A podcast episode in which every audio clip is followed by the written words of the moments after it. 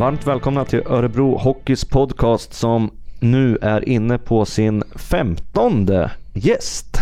Vi får ju säga att det är nästan ett jubileum med 15. 10 var ju ett litet jubileum, men nu är vi inne på 15 gästen och det är en gäst som passar eh, den här delen av säsongen väldigt bra. Passar ju bra varje dag egentligen om man ser till vad vi håller på med för någonting inom elitidrotten. Men välkommen Mattias Mattsson, fystränare. Tack så jättemycket. Du var ju här redan igår och, och gjorde en sväng in och trodde att, eh, att vi skulle vara klara på en kvart.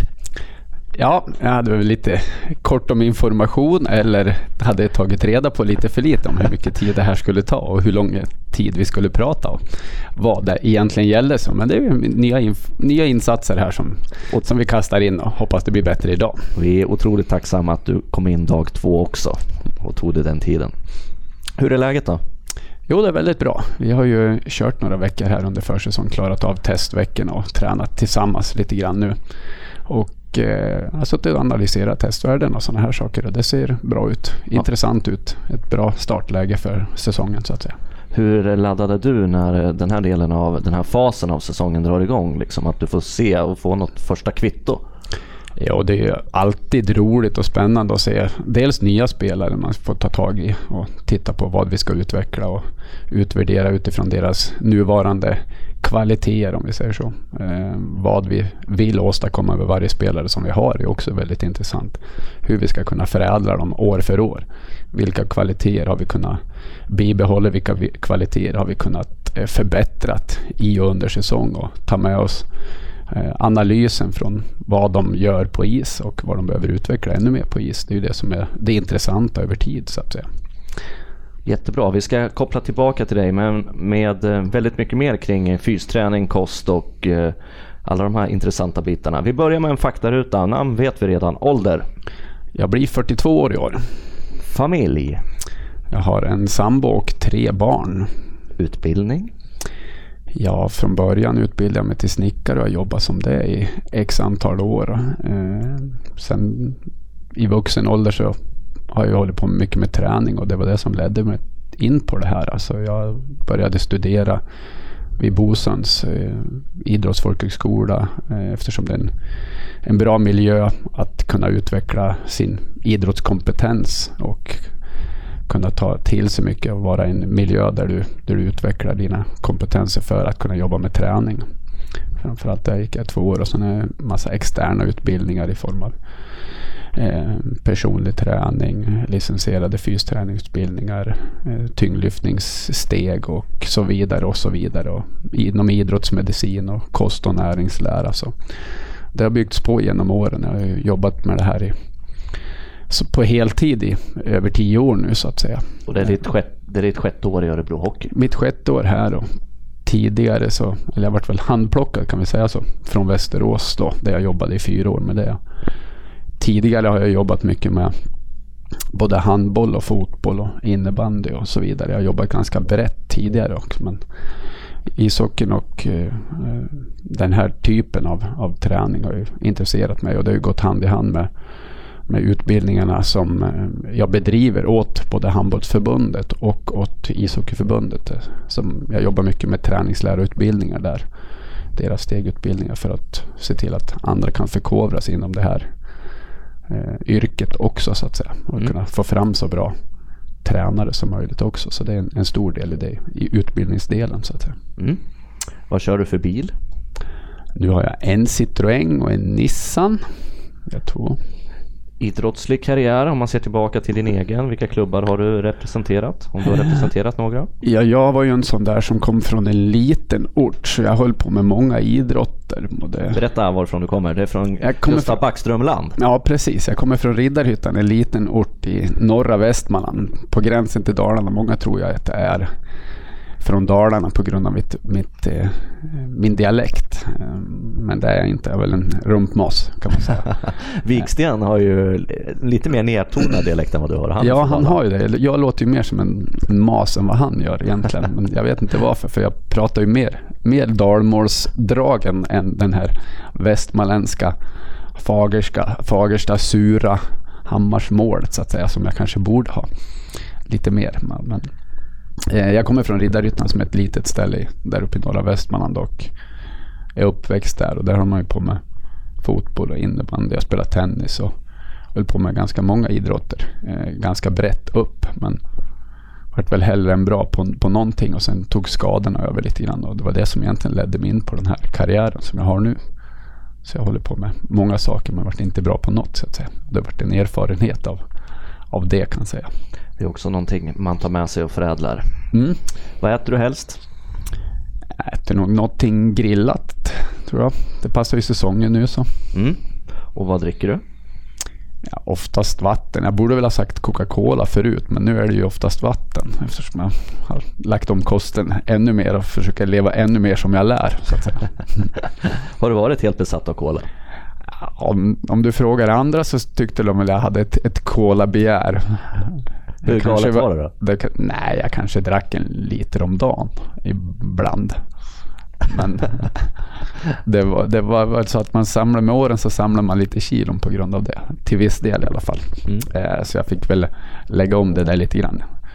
Det var inte så farligt som många antydde men när det var pendlande och sånt där så var det ju lätt att jag kanske tog någon, någonting på vägen eller något sånt där man var inne och tankade och så vidare. Och, tyvärr. Vad läser du helst? Om du läser något?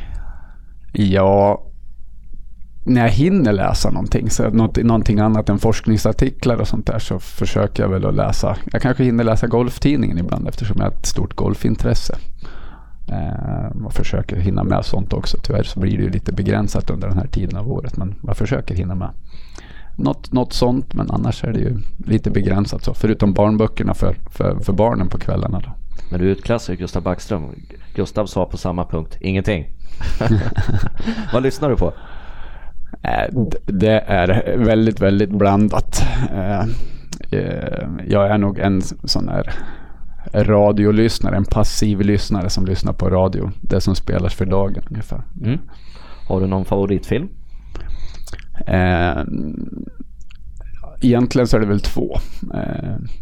Forrest Gump alltid sett sig och sen Legends of Fall. Vad är det för något? Höstlegender. Ja, ja okej. Okay. Ja, en riktig klassiker. Ja. Det är två som har följt med genom tiderna. Här. När grät du senast? Eh, vet inte riktigt. Det kanske är några veckor sedan. Jag var stolt över något som mina barn har gjort, skulle jag tro. Och slutliga frågan här då. Vilket är ditt favoritlag? Du kanske har flera? Det är naturligtvis Örebro Hockey. Snyggt! Då har vi fått en bild. För er som inte riktigt känner till eh, Mattias Mattsson så hoppas vi att ni har fått några punkter där som i alla fall placerar honom i våran organisation. Du, du var inne lite själv på att du hade idrottat brett i yngre dagar. Mm. Och att det var skador som tog över och sen mm. ledde det till den du är idag. Mm. Vad var det som hände? Nej, jag höll ju på med både, framförallt med fotboll och innebandy eh, i, i, i, unga år. Och Eh, jag drog ju sönder både eh, knäna och eh, drog axeln ur led vid ett eh, flertal tillfällen, vid tre tillfällen.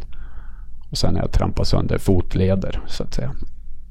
Eh, och det är ju, grunden till det var väl egentligen, eller grunden till intresset för det här eh, är ju en del i det att jag kanske spelade i mindre klubbar som inte fick den hjälp och stöd som man behöver för att kunna rehabiliteras och kunna komma tillbaks på bästa sätt. Mm.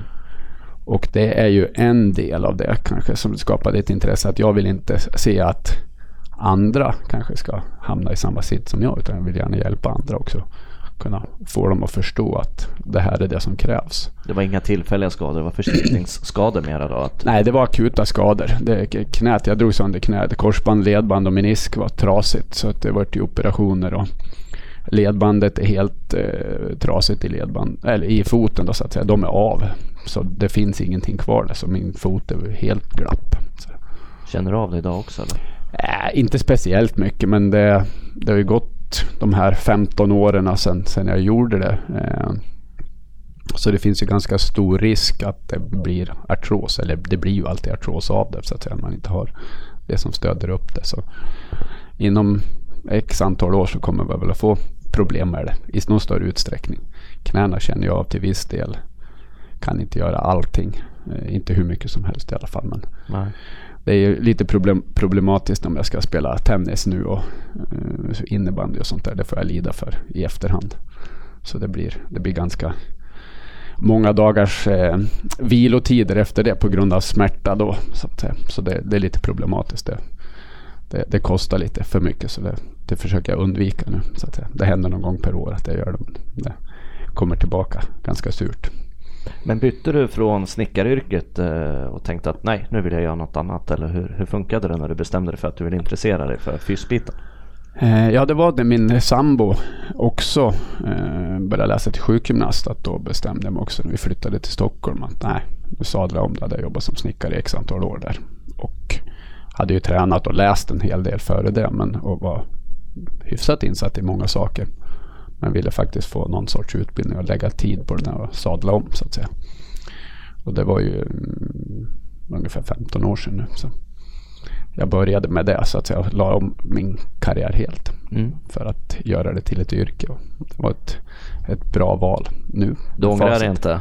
Nej, verkligen inte. Det har ju gett mig fantastiska både vänner och erfarenheter och fantastiskt många glädjefulla stunder som, som har kommit med det så att säga. Det ångrar jag inte en sekund utan det, det är det, det bästa beslutet jag har tagit nästan. Så att säga. Du hade inte slutat som eh, arga snickaren i, i tv då och gjort en karriär på det sättet istället? Vem vet, vem vet. Det kanske kunde ha blivit så också. Pedagogen kanske har kommit fram i det. Du, det är ju eh, de här veckorna som har... Nu vet vi inte exakt när det här avsnittet kommer att, att gå, men vi, vi spelar i alla fall in det här i mitten på på maj och då har det ju varit en intensiv period. Det har ju varit eh, Tybblelundshallen ska vi göra lite reklam för som, eh, som vi gillar båda två. Mm. Eh, där har ni varit, berätta. Ja, vi är ju, nu, nu när vi bygger om här nere på hallen för att vi ska få bättre faciliteter till i höst så då förlägger vi ju en stor del av träningen framförallt på juniorsidan. Där bedriver vi nästan all träning uppe i Tybblelundshallen här. Det är ju våran friidrottsarena här i Örebro som är ett fantastiskt eh, Eh, komplement för oss till våran träning där vi kan bedriva all träning vi vill så att säga.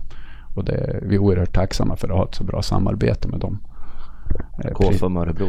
Precis, KFUM Örebro Friidrott som, som handhar det här. Och det är ju oerhört tacksamt att kunna vara på, ha bra faciliteter. Det är ju sådana faciliteter som vi vill ha här i våran eh, anläggning här så att säga. Vi behöver ha bättre förutsättningar och det, tyvärr har vi ju inte det här. Men det är ju någonting vi, vi jobbar på också, att vi får bättre faciliteter. För nu är det ju tyvärr så är det så att vi har faciliteter som inte alls är i paritet med det vi ska kunna bedriva. Så, eh, det skapar ett, ett oerhört merarbete för, för oss som jobbar med fysträning och rehab. Att inte kunna bedriva den träning så, så bra som vi skulle vilja. Vi kan inte göra det precis som vi vill på grund av att vi har platsbrist. Och mm.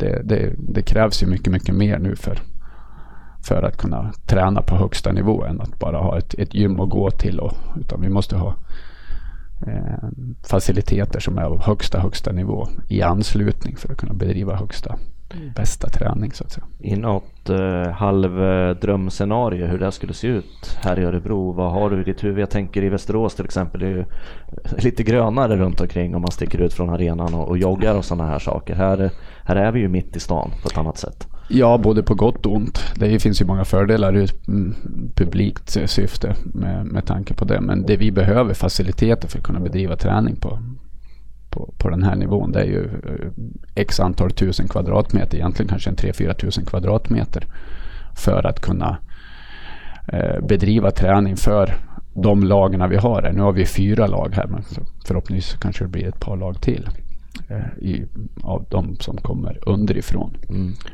Men det minsta vi behöver det är väl 2000 kvadratmeter för att kunna bygga ett center där vi, där vi ska kunna träna, där vi har testlab där vi har eh, cykelrum, vi har ett konditionsrum, vi har en, en hall där vi kan bedriva eh, stationscirkelträning, vi, där vi har stora gymytor och vi har hoppsprintsträckor och så vidare. Allt koncentrerat till, till ett utrymme då, eller en plats? Ja precis, och vi måste ju ha det så att det sitter ihop med, med huskroppen här så att vi kan gå inomhus till det och kunna bedriva träningen, gå ut på isen och göra våra saker direkt. Och framförallt att vi ska kunna mäta vad vi gör i den dagliga träningen, vilken effekt vi har, mm. vad vi får ut för att kunna se om de är eh, toppade eller om de är på väg in i överträning och så vidare. Vi har en hel del, vi investerar en del utrustning nu till det men det är bara början för att vi ska kunna bedriva den träning som vi bör kunna göra på, på den här nivån för att få ut max av varje insatt krona i varje spelare så att säga. Vi ska säga det, ombyggnationen som gäller Bern Arena, is, ishallen är ju omklädningsrummen nu som, som rustas rejält och byggs om till säsongstart. Det gör ju mm. även att försäsongsmatcherna den här säsongen är på andra orter i år. Mm. Men förhoppningsvis får spelare och ledare ett, eh, ett trevligt välkomnande tillbaka när man får se hur det ser ut framöver där nere.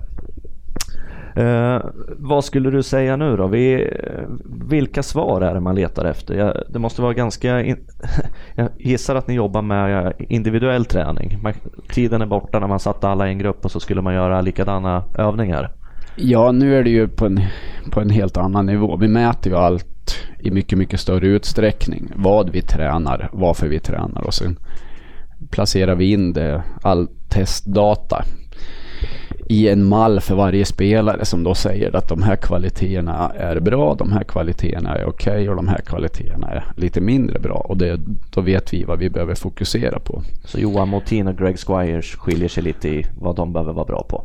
De, om vi hårdrar det så är ju Squires en, en raket och Motin är en traktor om vi, om vi hårdrar det så så att säga. Så Motin jobbar ju mycket, mycket mer under den här perioden med med power och öka sin maxstyrka exempelvis för att få fart på grejerna i mycket, mycket större utsträckning.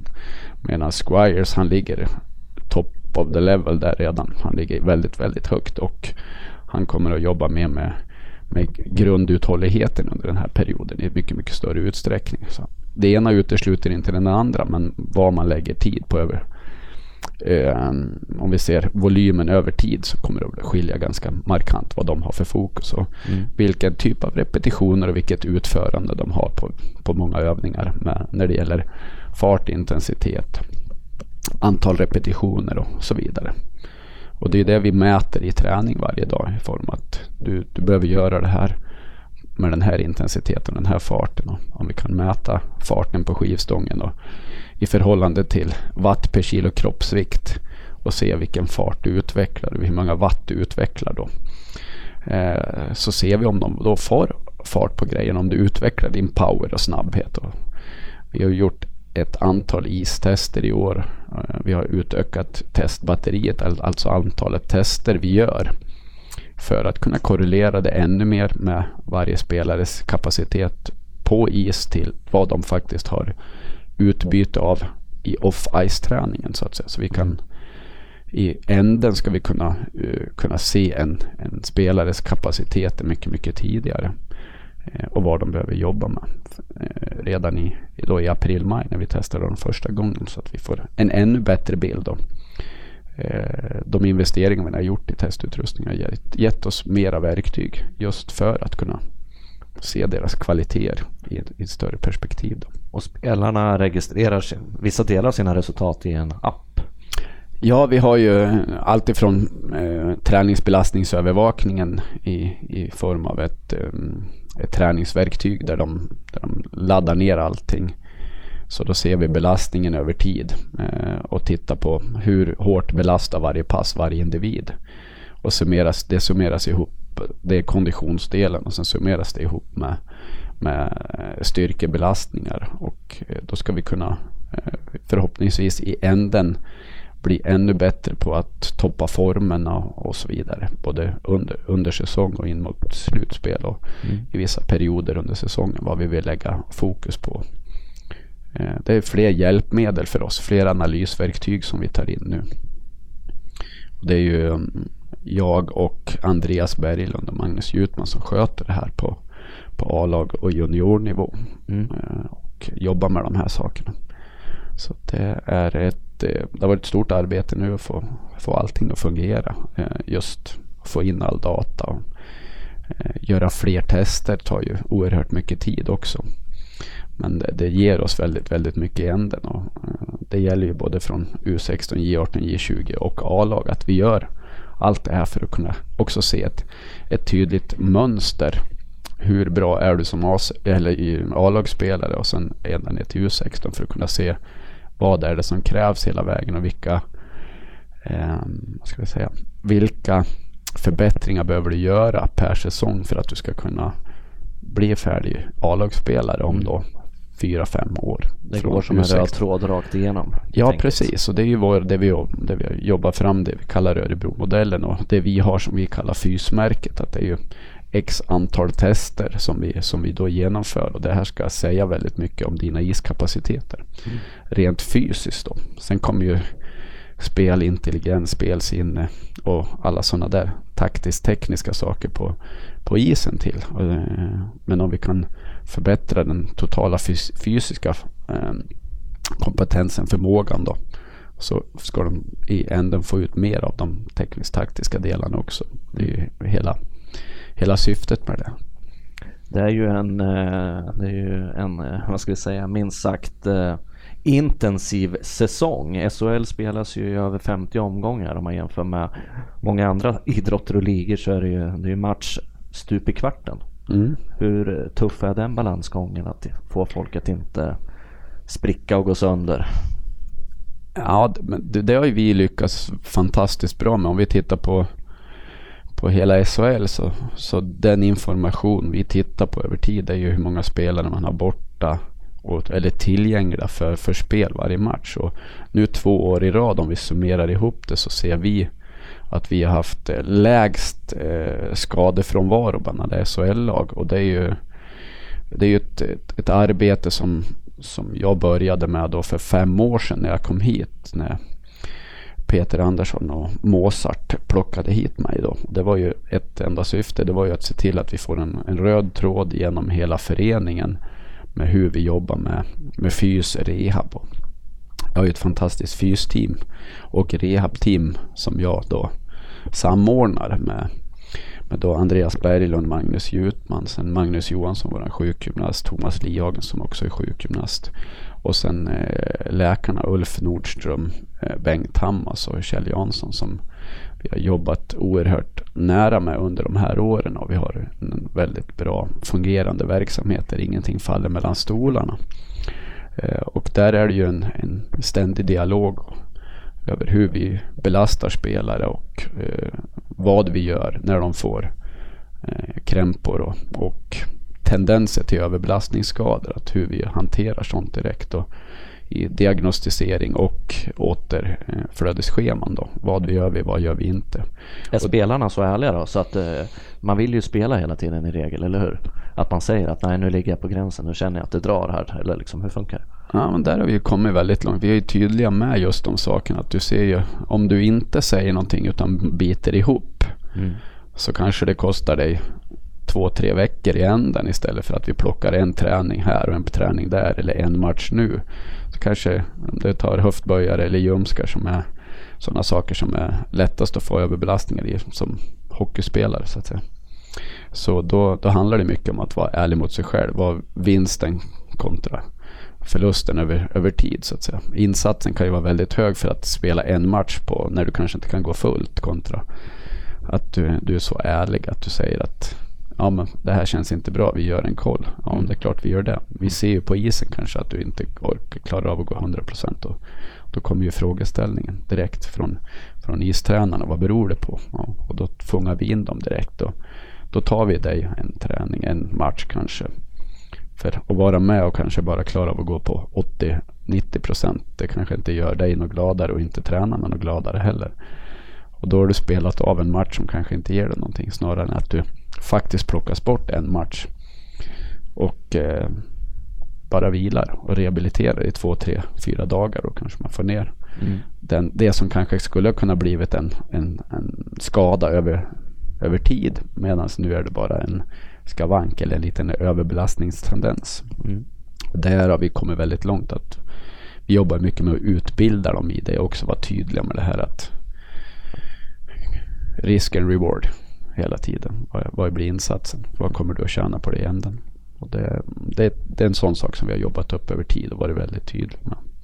Och det skördar ju frukt också på grund av att vi kan spela med hela spelare. Det är bättre att ha spelare som kanske spelar 48, 49 matcher av de här 52 och är riktigt hela och bra än att de spelar tre till. Men det kanske är tio som de har varit i sämre fas då så att säga.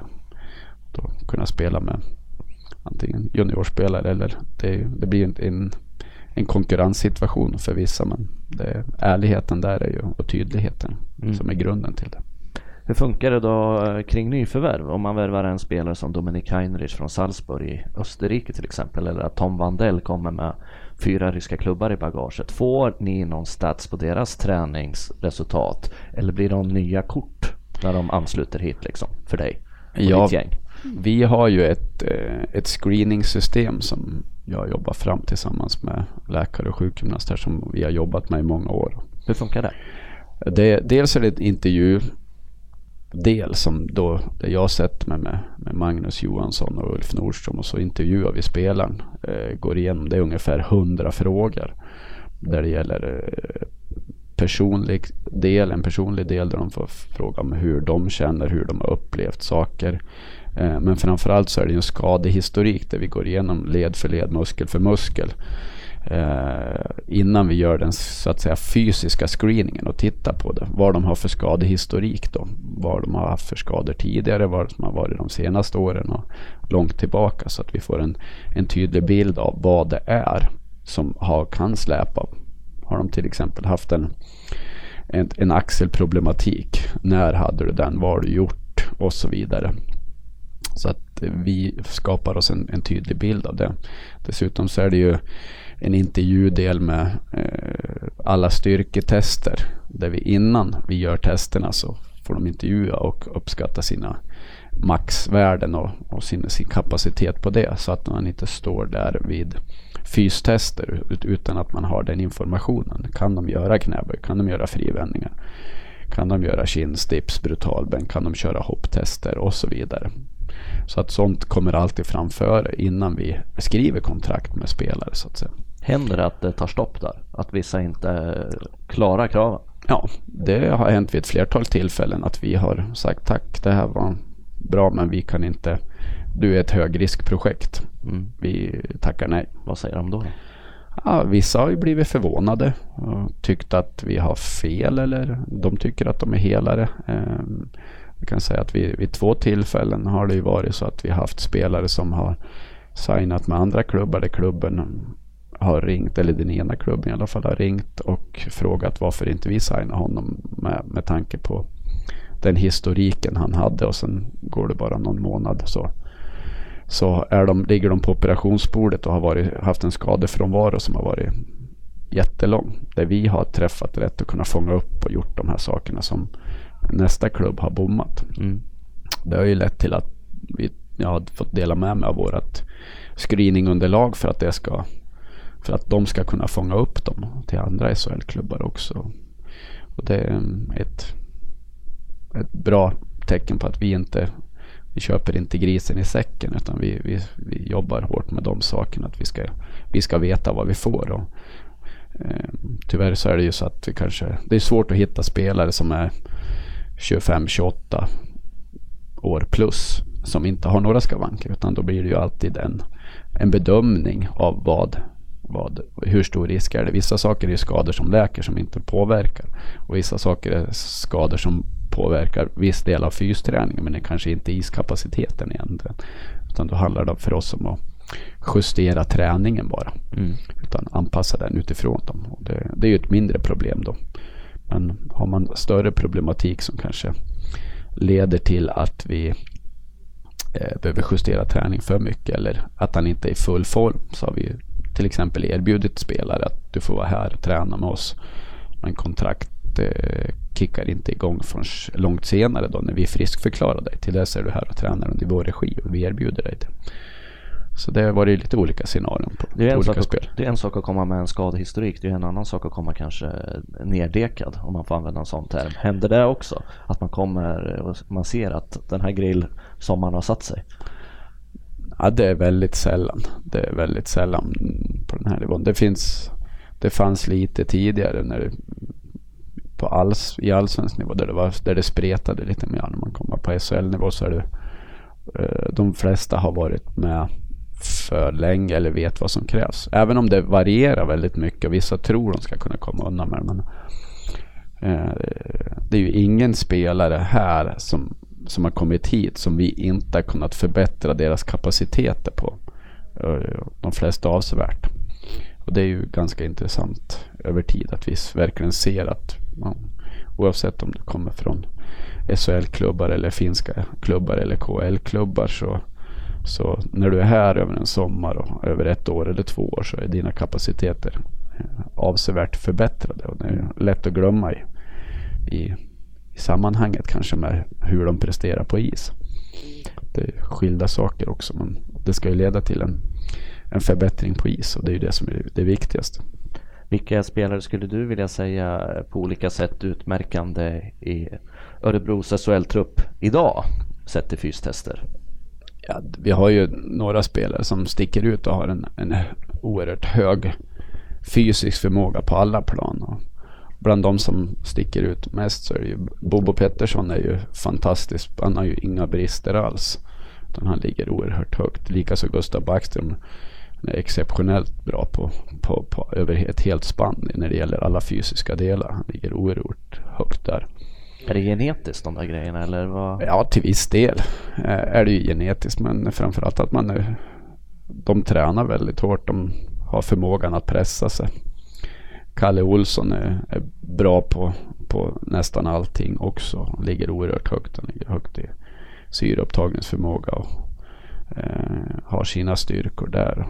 Han är bra på de sakerna som är prioriterade för en ishockeyspelare. Mm.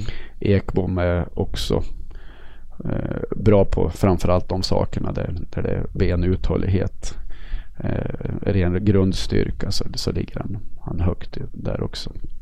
Det är några andra som sticker ut rent powermässigt. Det är ju sådana som Greg Squire som har, har höga värden där och likaså så Joel också. Joel Mustonen. Mustonen ja. som, som också sticker ut rent powermässigt. Eh, och är fantastiskt bra där. Mm.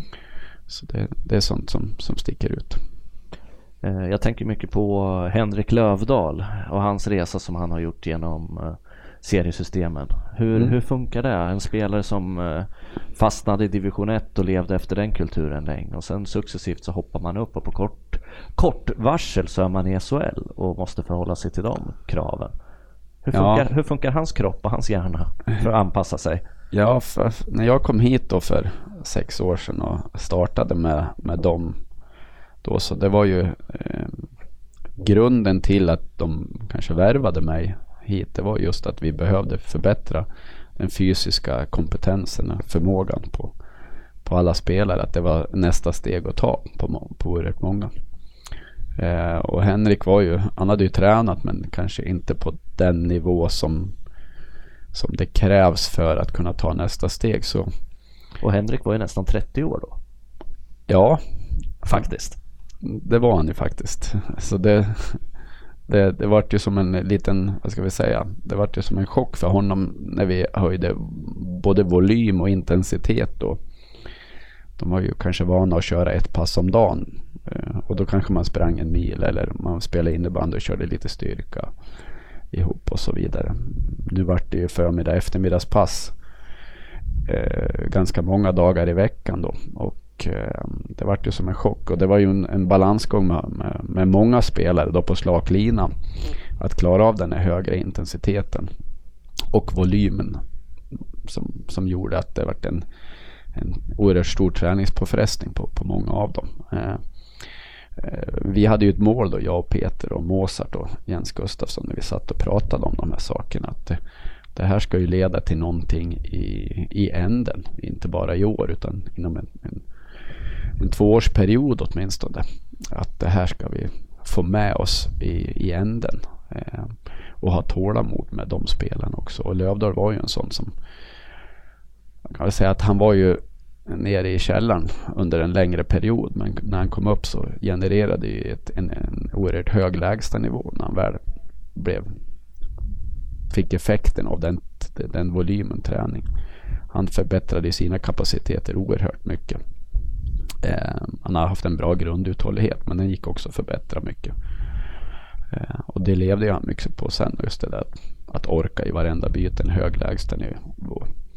Och det genererar ju då till det som vi kom till senare, att när vi, när vi gick upp från allsvenskan till SHL. Och det eh, pratar vi mycket om där. Att, det, den, att vi orkade träna hårt under säsong, även när vi år två eh, gick lite halvknackigt så tränade vi väldigt, väldigt hårt då under den perioden för att det skulle löna sig änden. Och sen gjorde vi några små justeringar rent, rent speltaktiskt och det bar frukt. Men framförallt att vi orkade. Eh, det året när vi gick upp så vi vann väl nio av tio matcher i kvalserien då. Mm. Mm. Eh, och det var ett av de sakerna som vi hade sett upp som mål då. Jag, Peter, Mozart och Jens när det gällde de sakerna. Att kunna få ut det över tid. Då. Och det fick vi. Så hans resa har ju varit fantastiskt rolig att kunna gå från att varit långt ner i källaren när det gäller all den där stora träningen till att klara av att träna utan att det tog emot på, på högsta nivå varje dag så att säga. En annan del Mattias är ju, som är otroligt viktig, det är förstås kosten. Mm. Hur, eh, hur mycket pratar ni om det? Är det okej okay att trycka en pizza, en kebabrulle eller hur, hur, hur mycket får man fuska? Vad, vad finns det att säga där? Ja, vi pratar mycket om det här. Kan du göra 90% till 100%? Om du gör 90% rätt så att säga och 10% lite mindre bra så kommer du väldigt långt. Är det för att ja, försöker man göra 100% så är det lättare att man failar? Ja, både ja och nej. Men det, det finns ju de där 10 procenten som är mindre bra. Eh, de kanske spelar mindre roll om du gör de här 90 procenten riktigt, riktigt bra. Mm, mm. Eh, men då handlar det om kost och sömn, återhämtning, den totala vilotiden och, och framförallt måltidsoptimeringen när du gör det. Tid när du äter och vad du äter. För Eh, det vi trycker på mycket här det är ju också det, inte bara vad du äter utan när du äter. Det, det ska ju sällan gå mer än två, till, två och en halv till tre timmar mellan målen mat så att säga. Och de här behöver ju i runda slängar mellan 4 och 5 tusen kalorier per dag så det blir ganska stora volymer att äta också. Alexander Hellström sa ju till exempel när jag pratade med honom, jag klarar inte trycka frukosten på det här sättet så att jag mixar den och så dricker jag den. Ja, det, är så, vissa, det blir sådana volymer om de ska äta 2,5 deciliter eh, havregrynsgröt på 2,5 deciliter torrvara. Plus två ägg och sådana här saker till det. Eh, det blir ganska stora volymer att äta. Det blir väldigt mättande. Eh, så ibland när man får i sig torrvaror och mixar det med, med yoghurt och bär och lite frön och nötter och sådana här saker så då får man i sig en, en större energimängd med, på en mindre volym så det blir lite lättare för dem då. Det är vissa som, som har svårt att, vi kan ju ta, som vi pratade om Lövdahl, han åt ju alltid två frukostar. Han åt ju frukost hemma ungefär vid sju, halv åtta. Sen kom han ner på hallen och åt en andra mindre frukost ungefär vid, vid nio tiden. Eh, just för att få i sig mängden eftersom mm. han behövde mm. ha så stor volym mat för att klara av den träningen.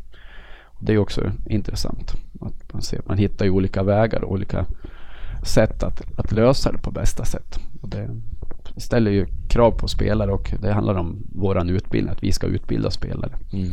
Sånt är ju, när det gäller just kost och sådana här saker så blir det ju, ska vi säga, eh, ganska stora skillnader kulturellt också när, vi, när det kommer hit.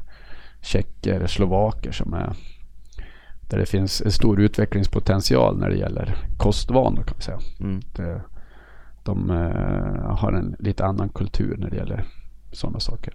Vissa är riktigt, riktigt bra och, och noggranna och vissa finns det stor utvecklingspotential på. Och det får man ju, som, som jag jobbar med det här, att vara väldigt tydlig med att vad som är optimalt och vad som är mindre eh, bra för din karriär och för mm. din prestationsförmåga. Det... Men är du till och med inne så här, om ni går ut och käkar middag nu ikväll. Tänk på att du äter det här då. Släng inte i dig sushi eller vad, nu hittar jag bara på någonting. Är du inne i detaljer så? Ja. Det, det blir ju en, vad är bra? Vi, har ju, vi jobbar ju med universitetet mycket och våran eh, fysiolog som jag jobbar väldigt nära med där, Peter Edholm på, på Örebro universitet som vi jobbar ju med och ut, med kostföreläsningar flera gånger per år. Där det både är kost, näringslära och optimering av, av eh, kosten och sömnen. Eh, och det har vi tre till fyra föreläsningar per år.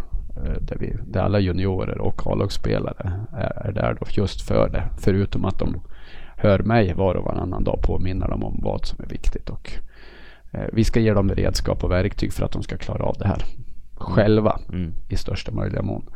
Sen har vi ju, vi, vi äter ju frukost gemensamt på morgnarna alla veckodagar. De har lunch matchdagar, de har mat direkt efter, efter matchen på plats. De har det ju väl förspänt på det viset. Så, så, och det är ju bra sammansatt kost som vi är med och styr då. Så att de ska få i sig alla näringsämnen. Ehm, så de, det, är, det är inte svårt på det planet att vara ishockeyspelare nu. Nej. De har det väl serverat och vi tar bort det som är mindre nyttigt och ställer fram det som de behöver. Man ser ju titt som tätt eh, varenda säsong att målvakterna i SHL, eh, det är väldigt varmt i hallarna, de svettas kopiöst mycket. Vissa byter efter en och en halv period och får sätta sig i båset och nästan ha tuppat av. Ser du sådana tendenser även i Bern Arena med, med våra målvakter? Att det... Ja, det är ju lite eh, beroende på vilken typ av målvakter man har. Eh, vi har inte haft några problem med det med med Julius och Henke nu. Utan eh, nu försvinner ju Henke och nu kommer Axel Brage in istället. Så det är en ny spelare som vi ska lära och utbilda. Julius har inga problem med, med de sakerna överhuvudtaget. Bra förberedd, bra rutiner sådär så då, då, klarar man det ofta. Så sen är det ju väldigt individuellt. Vissa svettas ju extremt mycket och då blir det ett större problem att ersätta det. Det finns ju sådana här eh, som man läser ibland. Jag gick ner fyra kilo på en match. Ja, men det, det kan de göra. Det, det, är inte ovanligt att de tappar flera, många, många kilo för att de inte kan dricka i fatt. Utan det handlar om att och, och vätska upp sig lite före. Men man kan inte dricka för mycket före heller för då, då tappar man saltnivåer om man säger så. Elektrolyter och sånt som vi ersätter med under under match och sånt hinner inte ersätta allt man svettas ut. Det, det är omöjligt. Mm. Så svettas man väldigt mycket så kan det bli ett problem vid långa matcher om det blir eh, slutspel och sånt när det går till sudden death. Det ramlar iväg. Då kan det bli ett problem. Men inte så stora problem just när det är en vanlig seriematch som är tre perioder lång bara. Vad skulle du säga är eh, som fystränare då är den största utmaningen att sätta fingret på, att hålla fast vid liksom? det, det, blir ju ett individuellt spann. Vissa, vissa blir ju ett mer coachande förhållningssätt. Vissa får man ska vi säga, jaga lite, lite mer. Eh, lagidrottare är väl tyvärr så. Att det finns ett spann från svart till vitt. Vissa är lite bekvämare. Man får lirka lite mer med och vissa är vi väldigt tydliga med att det här är det du behöver därför att du ska kunna bli så bra som möjligt. Mm. Men framförallt individanpassningen. Det är den största utmaningen. Att se till att varje spelare får ut max av varje träningspass. Så att det genererar en, en optimering och en förbättring över tid. Mm. Att du ska bli bättre. Vi ska fortsätta utveckla dig oavsett om du är 35 år och heter Johan Wiklander eller om du är eh, 20 år och heter Emil Eriksson eller Gustav Fransén. Och där är ju, de tränar ju på olika vis. Eh, Wiklander tål inte samma träningsbelastning till viss del på grund av ålder. Men han kan tåla en högre belastning på grund av att han har en högre eh, erfarenhet och tålighet i muskulaturen på ett plan. Och där ligger ju eh, fingertoppskänsla och erfarenhet. Förutom att vi kan luta oss mot alla testvärden. Vad är det du behöver? rent vilka kapaciteter eller vilken träningsform ska vi lägga eh, tid på för att du ska utveckla de här kapaciteterna som du är bra på kontra mindre bra. Och det, det blir ju en dialog med spelaren också. Vi ser de här sakerna. Vad tycker du? Vad känner du själv? Där kommer ju spelarens erfarenhet in också. De yngre spelarna kanske inte känner sin kropp riktigt lika bra efter några få år av hård träning medan äldre spelare känner sin kropp mycket, mycket bättre och kanske kan känna lite mer också hur hård belastning. Jag klarat. nu är det på gränsen av, av erfarenhet då, så att säga. Mm. Vi ska säga det att uh, Mattias Mattsson är vår femtonde gäst i Örebro Hockeys podcast som kommer ut på måndagar. Uh, du hittar den på vår hemsida uh, på i... Nej fasen, nu tappade jag bort mig. Du hittar podden på vår hemsida, på Soundcloud och i Podcaster-appen. Eh, får se vem som blir våran sextonde gäst, det är inte riktigt helt bestämt än. Men vi är glada att det ligger runt eh, dryga tusen lyssnare varje gäst. Vet du vilka tusen som kommer lyssna på dig? Eh, ja, jag hoppas väl att alla Örebro Hockeyfans lyssnar och sen en hel del andra också. Det, eh, hoppas att vi kan bidra med någonting intressant och nya, några nyheter och sånt som kanske kan öka förståelsen för vad vi håller på med framförallt under sommaren här nu som, som eh, är en ganska tung period för spelarna. Man lägger ner ett oerhört hårt arbete varje dag. Att eh, det krävs att vara fokuserad och förberedd för alla spelare varje dag. Det är ju ett heltidsarbete att träna både förmiddag och eftermiddag. Stort sett fem sex dagar i veckan så har de ju. De ligger ju på tio, mellan nio och tolv pass i veckan.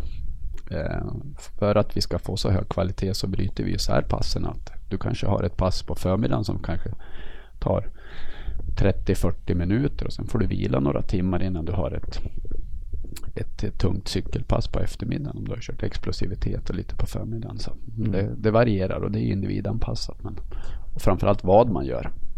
Så det handlar om att optimera förutsättningarna för att kunna få den bästa träningsresponsen ska säga att eh, Jens Gustafsson, junioransvarig, eh, har ju varit en av våra tidigare gäster i Örebro Hockeys podcast. Jens, eh, vi var ju på plats i Tybylundshallen här och kollade när ni genomförde tester för någon vecka sedan. Och då sa Jens att nej, kolla på Mattsson, han ser ju lika slimmad ut som spelarna nu. Det var inte så länge sedan han och jag var lika tunga. Har du, har du hängt med i försäsongsträningen? Eh, ja, jag har ju lagt ner lite tid på det där också. Jag tränar ju med spelarna. också till viss del i alla fall. Eh, jag kan säga det att när vi, är, när vi har skadade spelare då får jag träna lite mer för då är jag ju mer i gymmet med dem och tar hand om dem under rehabtiden. Så, eh, då får jag vara med, drilla dem och då hinner jag träna lite själv också. Så att säga, det blir förena nytta med nöje om man kan säga så. Man får ett, ett en viss tid där ändå. Eh, man kan visa dem, köra med dem och pusha dem på det viset också. Att man kan ju inte vara, man kan inte vara svagare än fystränaren så att säga. Så det, dessutom så hade vi ju det där, eh, jag sa ju något svagt ögonblick för många år sedan att jag skulle åka Vasaloppet eller upp ett spår en. Ja, 2012 sa du det. 2012. Sommaren 2012. Tänk att, det, tänk att det kom sig ihåg. Det är några som har kunnat präntat in. det finns till och med på, det var ju en webbartikel på Örebro Hockeys hemsida. Ja. Så det räcker att man söker på Mattias Mattsson så är ju internet så fantastiskt ja. att den lägger upp den där artikeln. Så jag, jag la ju upp träningen lite för det och kunna, skulle kunna göra det i år och tänkte att det skulle bli lite snö här. Dealen var att om Örebro Hockey går upp inom två år i SHL mm. så kommer du... Då ska jag åka Vasaloppet eller upp ett spår, då ska jag ta mig igenom det. För jag hade tänkt att gjort det någon gång. Men du har aldrig gjort det? Jag har aldrig gjort det någon gång. Nej. Men jag har sagt att jag ska göra det. Ja. Och tanken var ju att vi skulle göra det i år. Eh, och skidorna hann ju tas fram några gånger. Eh, tyvärr, tyvärr ska vi säga, så det låter väl som en, en dåres försvarstal nu, så var det ju lite för lite snö tyckte jag. Så jag hann ju inte åka så mycket. Så jag var till och med avrådd av våran eh, snälle sjukgymnast Magnus Johansson så att jag inte behövde bära hela hundhuvudet själv där. Att det kanske inte är rekommendabelt att åka två mil före innan du åker upp ett spår. Det är som att käka en Kina-buffé och åka och spela en SHL-match ungefär då? Ungefär så. Det kanske kommer tillbaka lite grann sen sa han. Eh, så han tyckte att det vore ju bättre om du hann träna lite mer för det. På, på snö så att säga. Så jag får väl säga att jag lovar att göra det till alltså 2017 och då ska jag åka, åka upp ett spår eller Vasaloppet. Eh, och då har jag ju kapat av x antal kilo nu så då blir det ju lite lättare, lite mindre att släpa på nu. Så. Hur mycket har du slimmat ner då? Ah, jag låg väl ungefär på 90-92 kilo förut och nu ligger jag strax under 80. Så, så det är väl några kilon. Så det är lite lättare att löpa, lite roligare att löpa och, och hålla på med konditionsidrotten. Tyvärr så kostar det något lite i, i maxstyrkan så nu är jag lite sämre där. Men det, det tar vi. Så om ett år så kommer du se ut som eh, 62 kilo i, i Vasan. I, vi hoppas väl att det kanske är, är i ännu hårdare form då. Nu, nu, ser det ju rätt så bra ut. Lövdahl kallar mig ju för jakthunden nu, lite skämtsamt sådär. Så. Från att jag varit lite mer bulkigare förut haft lite mer styrkepotential. Men nu får vi kalla det mer lite bättre konditionspotential istället. Så. Vad har du legat medvetet på som i, i glapp om man säger högsta vikt mot eh, lägsta vikt? Så. Nej, jag har ofta legat runt ungefär 90 kilo. Ja. 88 till 90 kilo. Har du fått bytt garderob nu eller? Ja, det också. Ja. Det har varit kostsamt det här också. Ja. Jag har fått allting. Ja. Nu är det fått rensa ut, börja om. Städa bort den gamla Mattias Mattsson. Ja, lite, lite så. Ja. Lite så är det. Men det är ju, det är ju Ofta är det väl trevligare när det går åt det hållet. Jag själv får köpa större jeans. Det känns inte så jätteroligt varje gång nej, det, det är bättre nu när jeans som man köpte för en och en halv månad sedan börjar bli stora igen nu. Så, så det, det går ju an. Det är ett mindre problem så kan man säga. Du, vi ska ta avrunda. Vi har pratat i upp mot en timme nu. Du är den, eh, ja, du är den som har pratat mest och kanske bäst också. Det får andra avgöra eh, under våran poddstudio. Jens Gustafsson var väl den tidigare gästen som hade pratat längst. Jens har ju eh, vad ska vi säga, önskemål om att få komma tillbaka en andra gång och uttrycka sina tankar och idéer kring allt vad det är. Jag kanske till och med funderar på att göra honom till en julvärd och vi ska ha ett, ett julpoddsavsnitt. Vad tror du om det? Arne Weise fast på göteborgska.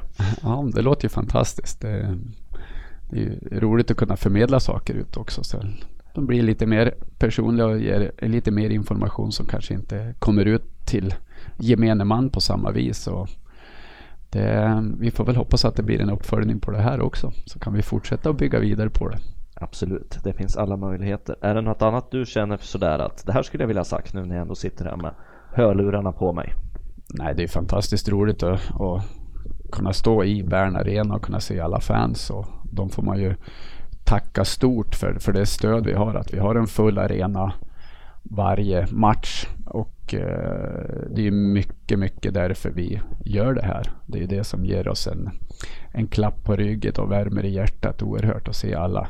Dels att vi kan bidra med att ge någonting tillbaka i form av vinster och glädje och, och kanske också eh, förhoppningsvis en, en, en fortsatt utveckling av det vi håller på med så vi kan få en bättre produkt och en bättre eh, produkt på isen kanske leder till mer glädje och, och resultat som förbättras. Att vi kan kunna förbättra oss och ta med det ut till fansen på, på bästa sätt. Så det är ju med stolthet i hjärtat vi gör alla de här sakerna för, för fansens skull. För utan fansen vore vi ju ingenting. Det är ju det är de som gör oss i, i mångt och mycket och det såg vi ju inte minst när vi då när vi gick upp för, för några år sedan. Att, eh, jag satt och tittade på bilder där och det är sådana saker som, som kommer tillbaka och, och värmer oerhört.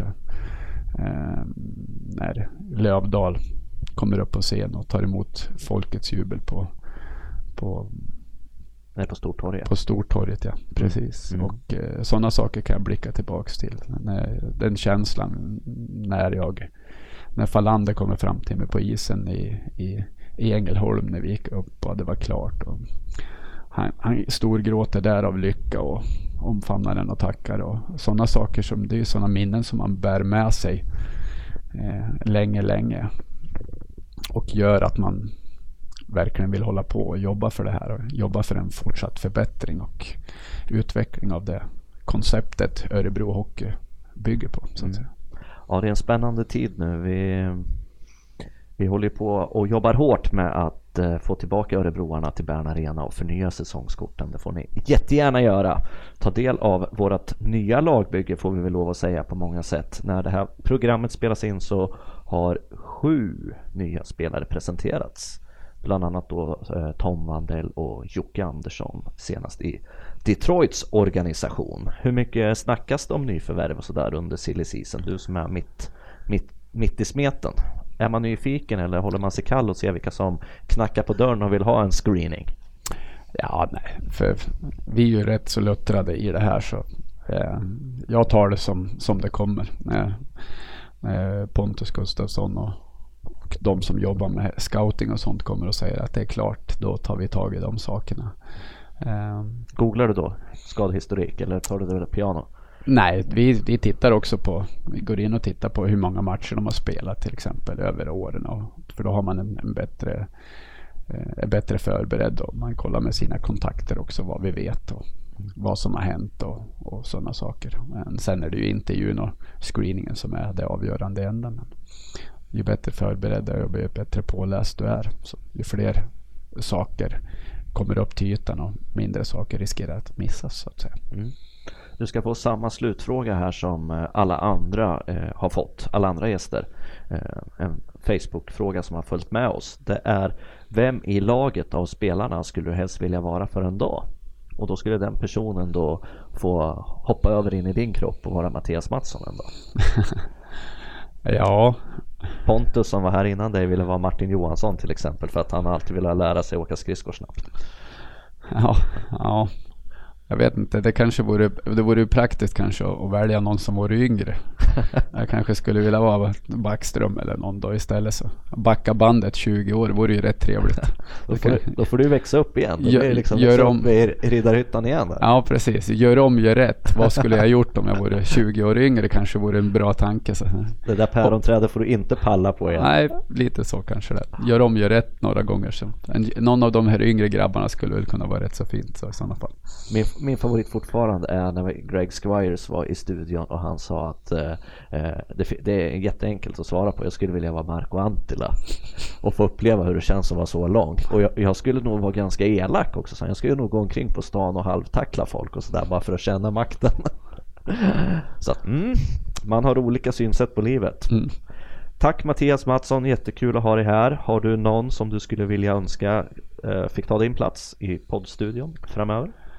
Eh, det skulle väl vara fantastiskt roligt och eh, få hit eh, Andreas Berglund också som är min kollega. Ska vi göra lite reklam för honom förresten? Ja, Andreas har vi plockat in. Han har ju jobbat med U16 både med fysträning och med, han är ju assisterande, assisterande coach, coach också. Ja. nu har vi gjort om lite i organisationen så vi har lite en annan rollfördelning. Där han är med på J20, J18 och A-lag nu också och jobbar med fysträningen. Så vi har ett eh, lite annorlunda rollfördelning där han tar ett större ansvar för planering av eh, träningspass och så vidare. Och jag har ett större övergripande ansvar. Mera, så jag behöver inte jobba lika mycket med detaljplanering utan sköter mer logistik och sådana saker. Sen sköter jag genomförande av många pass. Medan jag behöver inte sitta och plita i exakta övningar utan det är en, en, del av den här förändringen vi har gjort i år då, som har gjort att vi kan förbättra oss och höja kvaliteten på, på träningen. Vi får in, ytterligare kompetens som, som Andreas står för. Då.